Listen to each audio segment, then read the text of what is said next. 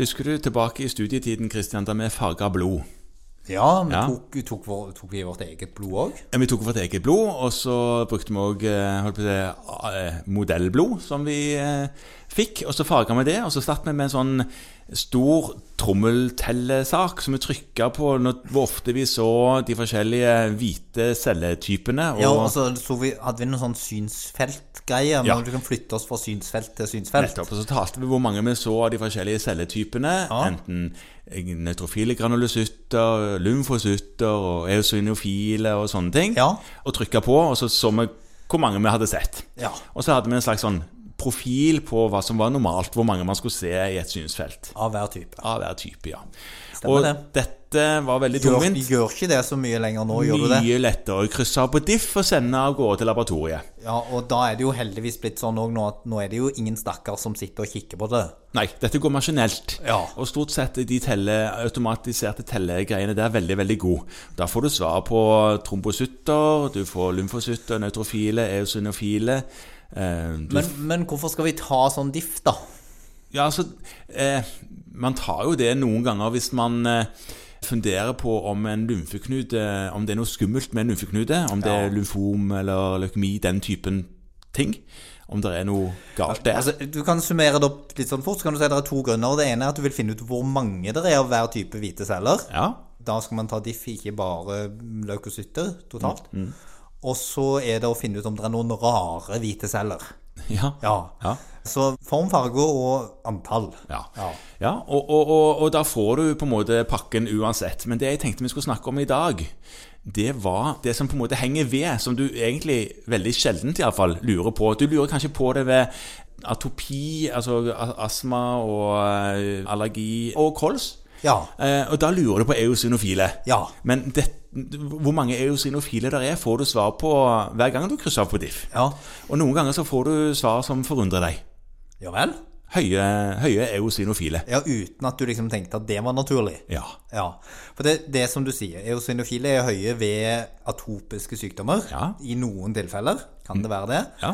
Og da kan det være for kols og astma f.eks. så er det behandlingsstyrende i noen tilfeller hvor høye er. Nå er ikke kols kanskje en eh, atopisk eh, sykdom, men, eh, Men der kan man likevel ha en eosinofil inflammasjon, som da Ja.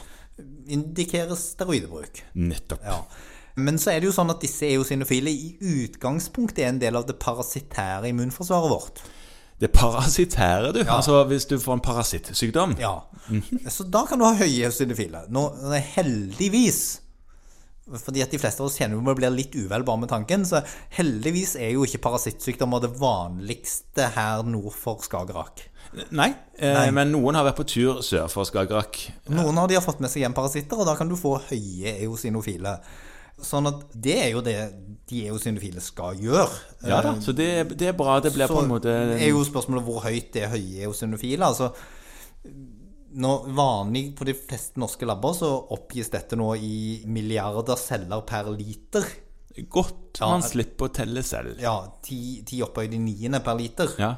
Og da får du ofte et tall altså 0,2, for eksempel. -hmm. Det er i hvert fall høyt hvis det er over 0,5 Ja. for voksne. Eh, Og ved atopisk sykdom så er ofte cutoff sånn 0,3. Ja. Ja. Ja. Sånn at hvis du får et veldig høyt tall, f.eks.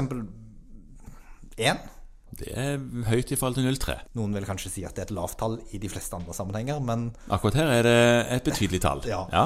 Eh, Så må man tenke på andre årsaker, og da er det sånn bare litt å minne på at det er ganske mange sykdommer som kan gi høye eosinofile. Så hvis du får det uten kjent årsak, så bør du i hvert fall utrede for malign sykdom hvis pasienten har symptomer i den retning. ja. Du går ikke rett i gang med å avskrive det som en parasittsykdom hvis det, dette er en Nei, det, det, det er jo litt inne på noe med hovslag og noe sebraer og sånt som vi har snakket om før, ikke sant? Jo visst. At kanskje kan det være andre årsaker. Men så er det også en del andre tilstander som er viktige, at andre infeksjoner Jaha. kan av og til gi, altså skarlatina eksempel, eller aspergillus, Ja. kan gi høye eosinofile. Og så er det hudsykdommer.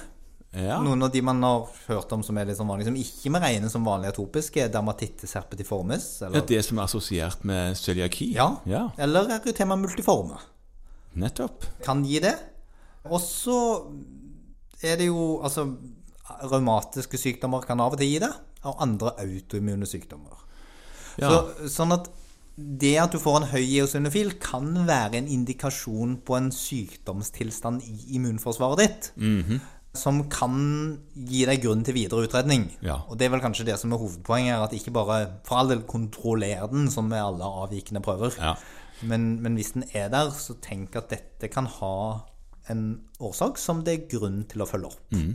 Hovedpoenget er jo at dette Vi pleier jo alltid å si at ikke ta prøver du ikke ønsker svare på. Nei. Som du ikke har behov for. Men denne får du. Men akkurat denne får du, Ja. fordi at du krysser på diff, og du kan ikke ta diff minus. Du kan Du sikkert kan det. det, men, det- erfaringen er vel at de færreste av oss sitter og krysser ut akkurat hvilke subgrupper av Man kan, sikkert, man vil ha. ja, man kan sikkert fjerne, faktisk. Det har jeg ikke tenkt på før eh, nå. Men det gjør man jo sjeldent. Og eh, Poenget da, hvis man får noe, så kan det være eh, at du skal tenke en runde rundt hvorfor de eosinofile der var høye. Ja.